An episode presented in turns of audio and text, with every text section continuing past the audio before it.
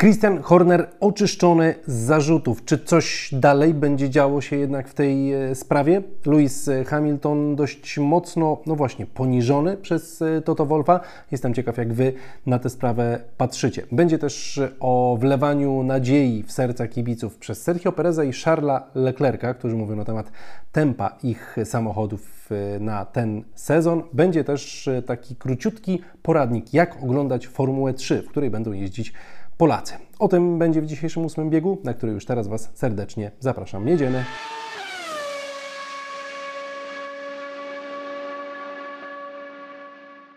Mamy, kochani, w końcu pierwszy tydzień wyścigowy, pierwszy wyścig w tym sezonie. Cieszy mnie to niezmiernie, tym bardziej, że to nie tylko Formuła 1, ale też Formuła 3 z dwoma Polakami tym sezonie i to naprawdę z szansami na jakieś fajne wyniki. Więc teraz słuchajcie, na początek tego odcinka będzie taki poradnik dla ludzi, którzy chcą zacząć oglądać Formułę 3.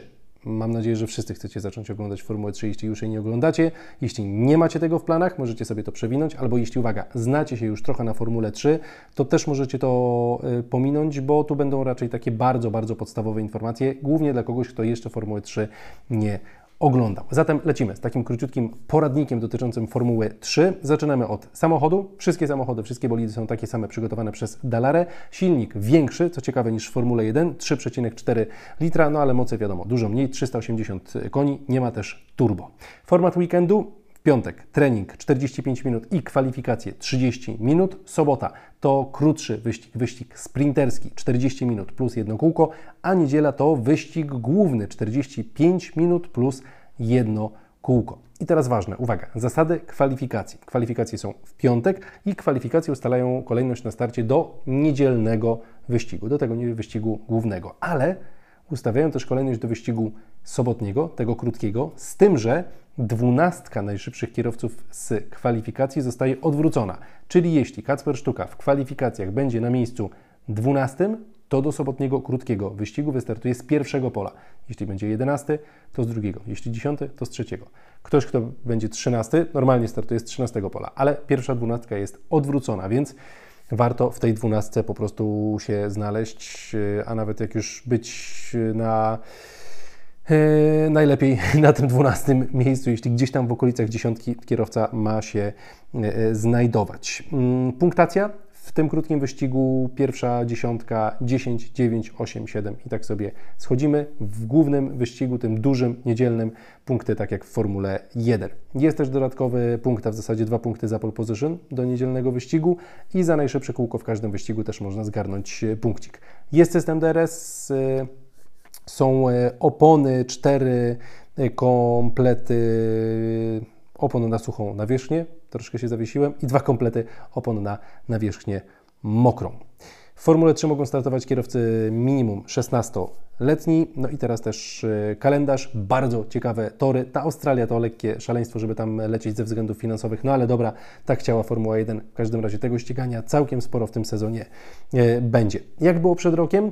No kochani, w e, sezonie 2023 10 różnych kierowców wygrywało wyścigi. To pokazuje, jak w tej serii naprawdę można fajnie powalczyć. I teraz uwaga, mistrz tej serii, czyli Brazylijczyk Bortoleto, który jechał w ekipie Trident, wygrał tylko dwa wyścigi w sumie przez cały sezon. Sześć razy był na e, podium, ale tylko trzy razy poza punktami. I to jest kluczowe. Regularność, dowożenie wyników. Nie musisz dominować i wygrywać wyścig za wyścigiem, żeby wygrać w Formule 2. Jeśli masz sezon bardzo równy, naprawdę możesz być wysoko w e, klasyfikacji generalnej. No i e, wśród zespołów najlepsza w zeszłym sezonie była Prema. Prema to generalnie włoska marka, bardzo uznana w juniorskim ściganiu i gdzie się nie ściga, tam w zasadzie osiąga dobre wyniki. No i teraz e, przechodząc do Polaków, Kacper Sztuka, debiutant, pierwszy sezon we F3, sam mówi o celu takim, żeby się znajdować najlepiej w tej właśnie pierwszej dwunastce w e, kwalifikacjach, bo to daje dużą szansę na zdobycie punktów przez weekend. Co powinien zrobić, żeby utrzymać się na wysokim poziomie w motorsporcie musi pokonać najlepiej swoich zespołowych kolegów, a tych ma dwóch, Niemca Tima Tramnica, nadzieja Niemiec, tak go nazwijmy, i e, Alexa Dan, czyli nadzieję Irlandii, bo to Irlandczyk, a Kacper Sztuka jest nadzieją Polaków. Aż straciłem głos, bardzo Was przepraszam. E, obaj zespołowi koledzy z trochę większym doświadczeniem od Kacpra w samochodach e, zbliżonych do F3, ale mam nadzieję, że to nie będzie problemem dla Kacpra i bardzo szybko te straty nadrobi. Będziemy też oczywiście zerkać na juniorów Red Bulla, innych, bo Kacper jest w programie juniorskim Red Bulla i dobrze by było, żeby w tym programie się utrzymał. No i teraz tak, w tym programie mamy nie tylko e, Kacpra, ale mamy Tima Tramnica, czyli jego zespołowego kolegę, ale mamy też innego Niemca Oliviera Goethego i Brytyjczyka Arvida Lindblada. Warto, żeby Kacper na co najmniej równi z tymi zawodnikami po prostu jechał. Ważna sprawa, to nie jest tak, że w rodzinie Red Bulla patrzą, o ten był 10, ten był 12, to tego z 12 miejsca wywalamy. Nie, oni patrzą na całokształt, patrzą na to, jak to się rozwija, jak to rokuje, więc spokojnie, nawet jeśli Kacper będzie od kogoś gorszy, ale będzie miał dobry po prostu sezon, tak obiektywnie, to po prostu w tej rodzinie Red Bulla będzie mógł zostać, a to jest bardzo ważne w kontekście też także też e, finansowym. Piotrek Wiśnicki, drugi nasz kierowca, w zeszłym sezonie już jeździł w Formule 3, ale wycofał się po kilku wyścigach, bo jeździł w tak słabym zespole, że po prostu kontynuowanie tamtego sezonu nie miało sensu. Teraz będzie jechał w lepszym e, sezonie, w lepszym e, zespole. E, właśnie Kacper pojedzie w ekipie MP Motorsport, która naprawdę jest dobrą ekipą i naprawdę daje szansę na duże, dobre wyniki.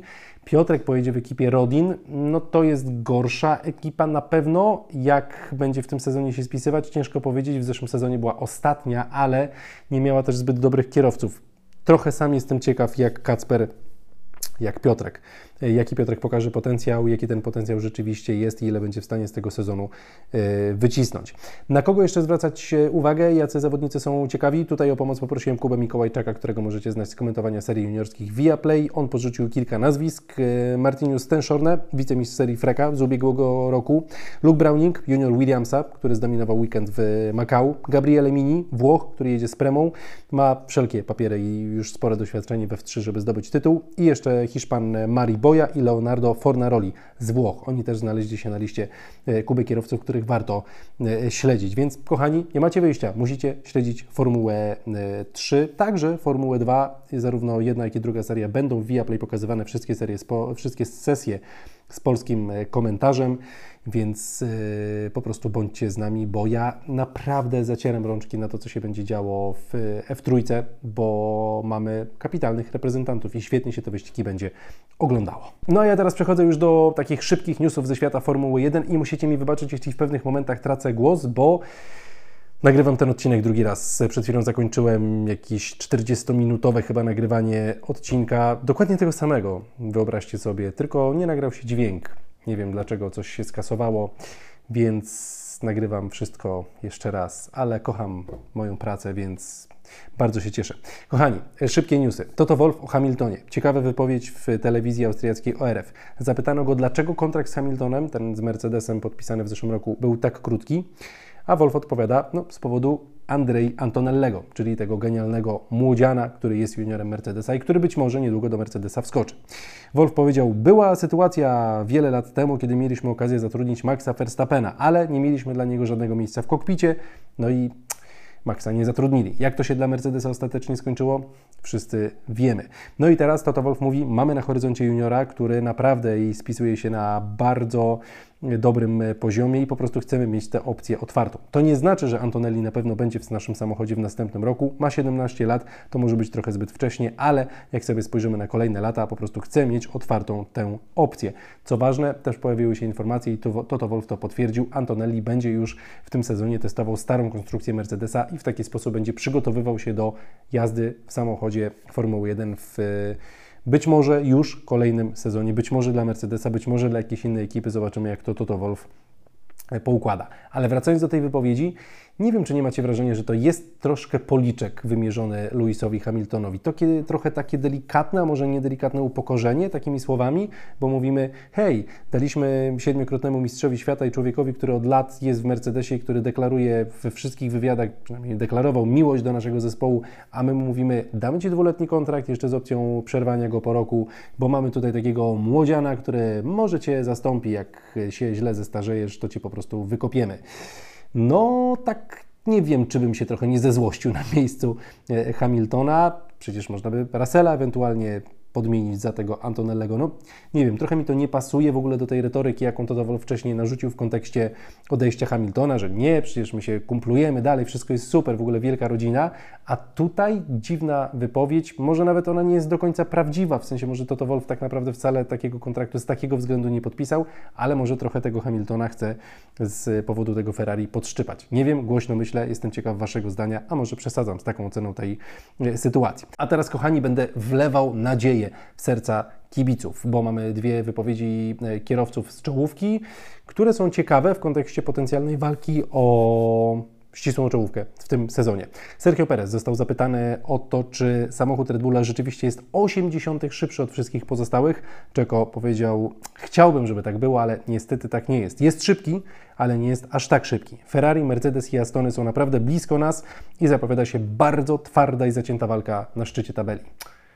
Okay. Chciałbym, żeby tak było. Nie wiem, czy nie będzie tak, że Ferrari, Mercedes y, i Aston będą się ganiać z Sergio, a Max będzie trochę jednak z przodu. Może nie, może wcale tak, tak nie będzie, ale no dobrze, miałem wlewać nadzieję, to wlewamy, trzymamy się słów Czeko, inni są blisko Red Bulla. Zawieszamy się tej yy, myśli, zawierzamy jej niejako i czekamy na start sezonu, żeby przekonać się, jak rzeczywiście będzie tracę głos. Ale Charles Leclerc, słuchajcie, jeszcze dorzucił e, od siebie, bo powiedział, że Red Bull to ekipa, która nie zrobiła takiej prawdziwej, pełnej symulacji tempa wyścigowego na testach w Bahrajnie, więc ciężko stwierdzić, gdzie są, a my wiemy, gdzie jesteśmy. Na tym torze zawsze byliśmy mocni i mamy nadzieję, że możemy powalczyć o zwycięstwo. Jeśli pojawi się taka opcja, zrobimy wszystko, żeby to się udało, mówi Charles Leclerc. Mam nadzieję, że czujecie się oblani nadzieją przed tym sezonem Ferrari powalczy o zwycięstwo w Bahrajnie z Red Bullem. Kurczę, biorę to w ciemno i czekam na pierwszy wyścig. A teraz wezmę głęboki wdech i trochę odchrząknę i lecimy dalej. Jeszcze mam jeden króciutki segmencik przed y, informacjami o Christianie Hornerze. A ten wątek to Helmut Marko opowiadający na łamach Kleine Zeitung y, na temat opcji, które Red Bull ma na sezon 2025, jeśli chodzi o fotel obok Maxa Verstappena. Kto tam może usiąść? Helmut Marko ocenił większość kandydatów. Alex Albon, Helmut Marko mówi, Alex nie jest dla nas kandydatem, bo ma kontrakt do 2025 roku z Williamsem. No ściema, wiadomo, że każdy kontrakt można zerwać, więc nie upierałbym się, że Albon nie jest kandydatem dla e, Red Bulla. Sergio Perez, tu ciekawa wypowiedź e, Helmuta, jeśli przyjedzie drugi w Mistrzostwach Świata i będzie miał jedno albo dwa zwycięstwa, na pewno będzie się liczył w walce o fotel na 2025. Czyli to nie jest gwarant, że Perez przyjdzie na drugim miejscu i wygra dwa wyścigi i będzie miał fotel, tylko będzie się liczył w walce, będzie kandydatem do, e, do fotela. Trudne zadanie przed Sergio, moim zdaniem, żeby obronić ten fotel.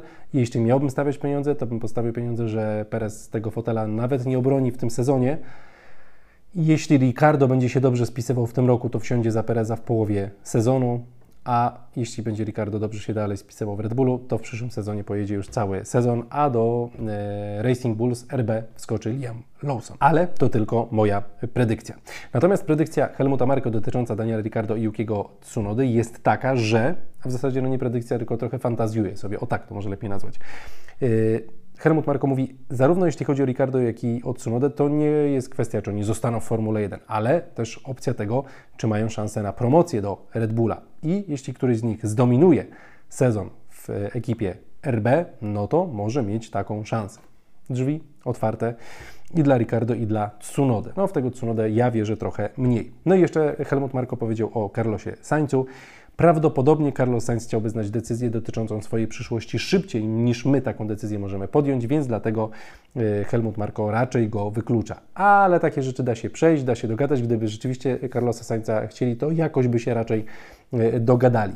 Czy to są jedyni kandydaci do Red Bulla? No nie.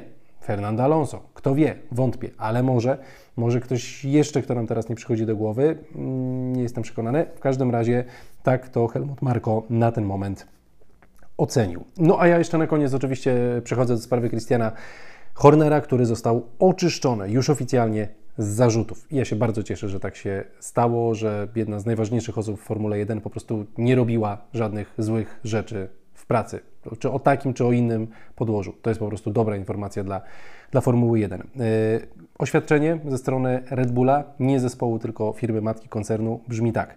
Niezależne dochodzenie w sprawie oskarżeń dotyczących pana Hornera zostało zakończone i Red Bull może potwierdzić, że zarzuty zostały oddalone. Oskarżyciel ma prawo do odwołania w tej sprawie. Raport z tego postępowania jest y, tajny, zawiera prywatne informacje i dlatego Red Bull też nie będzie komentował już tej sprawy. No to dla mnie jest kwestia jasna, że jest to tajny e, utajniony raport i nie będzie to publiczne, no bo e, łatwo czyjeś tutaj dobra e, naruszyć. No i słuchajcie, czy to jest koniec tej sprawy? No właśnie tak się zastanawiam, bo mm, mamy tutaj cały czas jeszcze tę kwestię walki politycznej w Red Bullu i jeśli Christian Horner jest niewinny, znaczy, że ktoś go chyba, wiele na to wskazuje, próbował w coś wplątać, co Christian Horner wplątać się nie dał. E, mówię ogólnie o tej walce politycznej. No i mamy tutaj stronę holenderską. Holenderski dziennik, który najwięcej informacji w tej sprawie e, produkował, dziennikarz, który jest mocno związany z rodziną Verstappenów. Czy ten dziennik zakończy sprawę na tym? E, oni publikowali bardzo mocne rzeczy, mieli dowody. Ja Wam sam mówiłem, że byliby idiotami, gdyby nie mieli mocnych dowodów, a publikowali tak mocne materiały. Więc albo są jednak idiotami, albo mieli rzeczywiście te dowody, ale nie wiem, ktoś ich też w tej sprawie oszukał, jakby zastanawiam się, jak to się wydarzyło, bo jest to pod kątem takim czysto dziennikarskim, warsztatu dziennikarskiego, sprawa bardzo e, zaskakująca. Więc zastanawiam się, czy to się dalej będzie ciągnęło, czy The Telegraph będzie próbowało się trochę bronić dalej w tej sprawie, bo wyszło na źródło mocno nierzetelne.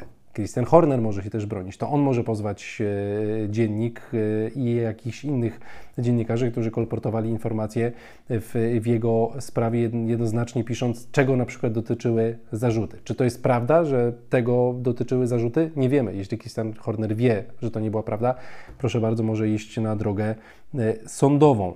Więc zastanawiam się, czy jednak jakiegoś dalszego ciągu nie będzie, a najbardziej zastanawiam się, co dalej w tej sprawie będzie się działo wewnątrz Red Bulla, bo tam jest konflikt e, polityczny na e, szczycie. Tam już od dawna pojawiały się informacje, że przede wszystkim między Hornerem a Helmutem Marko dochodzi do jakichś tarć, jeśli chodzi o to, kto czym, w jaki sposób ma zarządzać i jak ta władza ma wyglądać. Teraz coraz więcej tytułów medialnych mówi o tym, że e, rodzina Verstappenów też bierze trochę w tej politycznej wojence tam udział. No, mamy udział tego holenderskiego dziennika.